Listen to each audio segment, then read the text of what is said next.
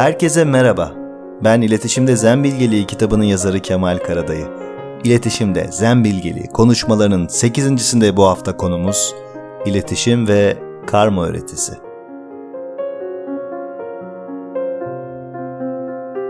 Öncelikle karma fikrini kısaca tanımlayarak başlayalım.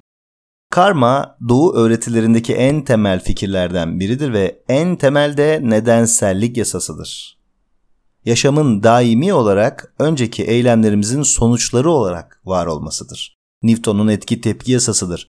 Ama sadece fiziksel alanda değil, yaşamın tüm planlarında benzer prensiple işlemeye devam eder.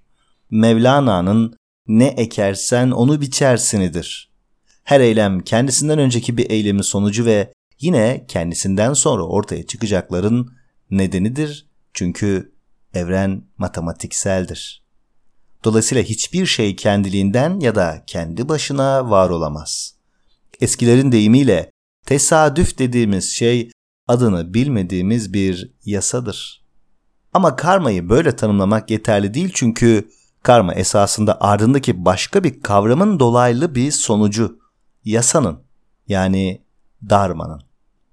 Şöyle anlatmaya çalışayım. O halde eğer bir yasa varsa ve siz o yasaya uygun hareket etmemişseniz bir takım sonuçların ortaya çıkması gerekir değil mi? Aksi halde ona yasa diyemezdik. Yani bir binayı doğa yasalarına uygun şekilde inşa etmediğinizde, kalitesiz kum kullandığınızda, çimentodan, demirden çaldığınızda o binanın yıkılması beklenir ki yıkılmasa yine de bir yasadan bahsedebilir miydik? İşte bu durumda yasa darmadır. O yasaya uygun olmayan bir etki ortaya koyduğunuzda aldığınız tepki de karmadır. Karma acıdır ve onun sayesinde yasayı tanırız. Yasaya, akla, doğaya uygun yaşamlar sürdürmediğim sürece de karma yaratmaya devam etmiş oluruz. Mesela siz çiçeğe yeterince su verirseniz yaşar. Çünkü bu onun yasasıdır, darmasıdır. Ama vermezseniz ya da gereğinden fazla verirseniz ölür. Bu onun yasası değil mi? Bu da onun yasasıdır. Ama yasanın kendisi değil, dolaylı bir ifadesi. Yasanın kendini hatırlatma şeklidir. Karmadır.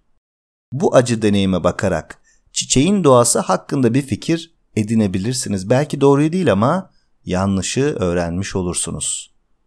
Ve o yanlışı bir daha yapmayacaksınız belki de. Çünkü doğaya uygun olmayan her eylemin bu tür reaksiyonları olur. Bu doğanın bozulan dengeyi tazmin etme şeklidir. Biz kendi eylemlerimizin sonuçlarını yaşarız. Yani ne ekersek onu biçeriz. Daha önceki eylemlerimizin sonuçları bugün ortaya çıkar ve şimdi ortaya çıkan bu koşullara verdiğimiz tepkiler de yarın yaşayacaklarımızı belirler. Evrenin neresine giderseniz gidin bu gerçekten kaçamazsınız.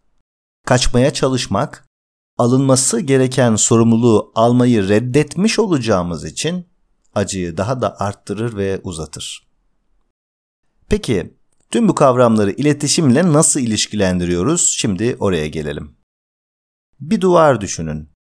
Ona uyguladığınız kuvveti size geri yansıtacaktır.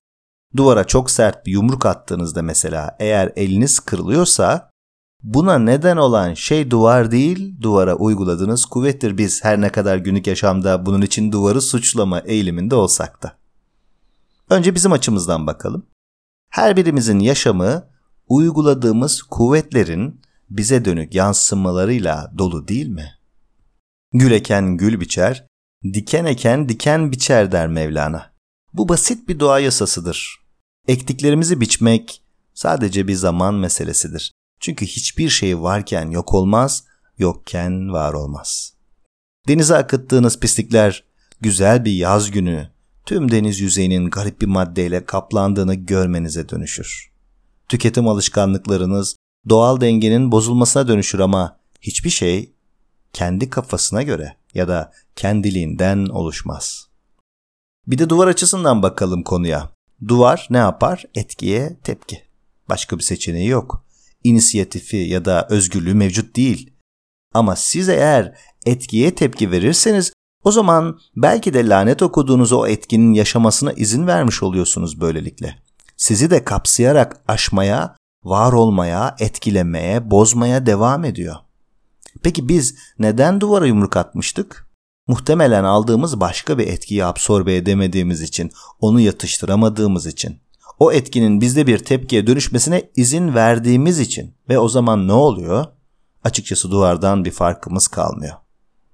Peki bizden beklenen nedir? Bizden beklenen bu nedensellik zincirini kırmaktır. Aldığımız etkiye göre var olmayı bırakmaktır. Biçtiklerimi beni mutsuz etmelerine ve doğama uygun olmamasına rağmen hala ekmeye, devam etmeye son vermektir. Özgür bir şekilde ekmektir. Sonuçlara göre var olmak yerine yeni nedenler yaratmaktır. Kendi nedenlerimizi yaratmak. Aldığımız etkilerden bağımsız bir şekilde. Dün ektiklerini bugün biçeceksin. Yaşam senin isteklerine ve beklentilerine karşı duyarsızdır. O sadece nedenlerle çalışır. Ama yarın ne biçmek istiyorsak bugün onu ekmekte özgürüz. Pasif bir şekilde var olmaya bir son verip kendi eylemlerimizi belirlemekte özgürüz. Tüm bu sebeplerle aslında karma özgürlük eksikliğinin bir sonucudur ve eylemlerimizde, duygularımızda ve düşüncelerimizde tam olarak özgürleşinceye kadar bizim üzerimizde etkiler yaratmaya devam eder. Bize yansıyan sonuçlar hayatımızı belirler ve onları artık değiştiremeyiz. Çünkü arkasında uzun bir nedensellik zinciri var. Onlar iyi ya da kötü değiller ama gerekliler, gerekli oldukları için oradalar. Onları gerekli kıldık. Bizse hayatımızı ancak şu anda nedenlerle çalışarak düzeltebiliriz, sonuçlarla değil. Sonuçların baskısı altında kalmadan kendi nedenlerimizle hareket etmemiz gerekiyor. Eylemlerinin sorumluluğunu almayan insanlar hayat tarafından üretilmiş olur. Hayat onlara ne verirse onlar da bunun bir neticesi haline dönüşürler ama hayatı ve kendimizi olduğumuzdan daha iyi hale getirmenin yolu işte bu nedensellik zincirinden özgürleşmektir. Kendi eylemimizi seçme kapasitesini ortaya çıkarmaktır. Böyle davranmadığımızda bize kadar gelen olumsuz etkilerin büyüyerek devam etmesine izin vermiş oluyoruz. Aslında bu durumda şikayet etmek için ahlaki bir hakka bile sahip değiliz. Özümüze göre değil, dışarıda esen rüzgara göre hareket etmiş oluyoruz. Bu bizi izlenimci bir iklime taşır. Kendi hayatımızın izleyicilerine dönüştürür. Merkezimizle, iç varlığımızla, anlamla ve dolayısıyla yaşamla bağımız kesilir. Bu sebeple inşa etmek hem kendimiz hem de diğerleri için temel bir görevdir. Buna karşın iletişimsel anlamda en büyük sorunumuzsa bizim olan sorumluluğu almamak için gösterdiğimiz insanüstü gayret. Sonuçlar üzerinde bir denetiminiz olabilir mi? Evet ama bundan sonraki sonuçlar üzerinde olabilir sadece. Şimdi ise yapabileceğimiz en iyi şey artık bunu kucaklamaktır. Acıdan korkmayın ve kaçmayın. Kaçarsanız onun yaşamasına izin vermiş olursunuz. Bundan sonraki sonuçları düzeltmenin yegane yolu şimdi nedenleri düzeltmektir. Aynı nedenler aynı sonuçları yaratacak. Nedenleri ortadan kaldırmıyorsanız sonuçlar üzerinde de hiçbir etkiniz olmayacak demektir. Aynı nedenle tekrar tekrar gözyaşı dökemeyiz. Karşınızdaki kişiye kalsa aynı nedenlerin sarmalından sonsuza kadar çıkamayacaksınız belki ama siz bu değişimi yaratabilirsiniz. Bu nasıl yapılabilir? bir parça özgürlükle. Bir parça özgürlükle yanlışlıklar telafi edilebilir. Bir parça özgürlükle bozulan dengeye yeniden uyuma taşınabilir. Bir başkası hayatı kendi penceresinden göründüğü şekilde görür. Siz farklı şekilde görüyorsanız o halde onun gibi davranmayın. Öte yandan onun penceresinde olan biten sizinle ilgili de değildir. Bunu kendinizle ilgili hale getirmek zorunda da değilsiniz. Bu sadece onun penceresinden görünen. Sonuçlara değil, nedenlere odaklanın. Kelimelere değil, niyetlere bakın.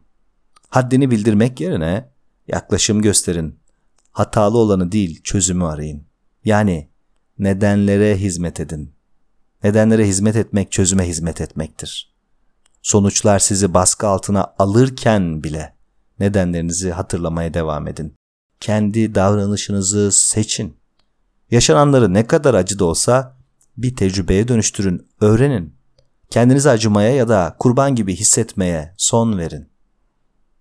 Marcus Aurelius diyor ki, onlardan korunmanın tek çaresi onlara benzememektir. Evet sevgili dostum, bu bölümün de sonuna geldik. Bir sonraki bölümde karşıtlığı yenmekte görüşmek üzere. Sevgimle.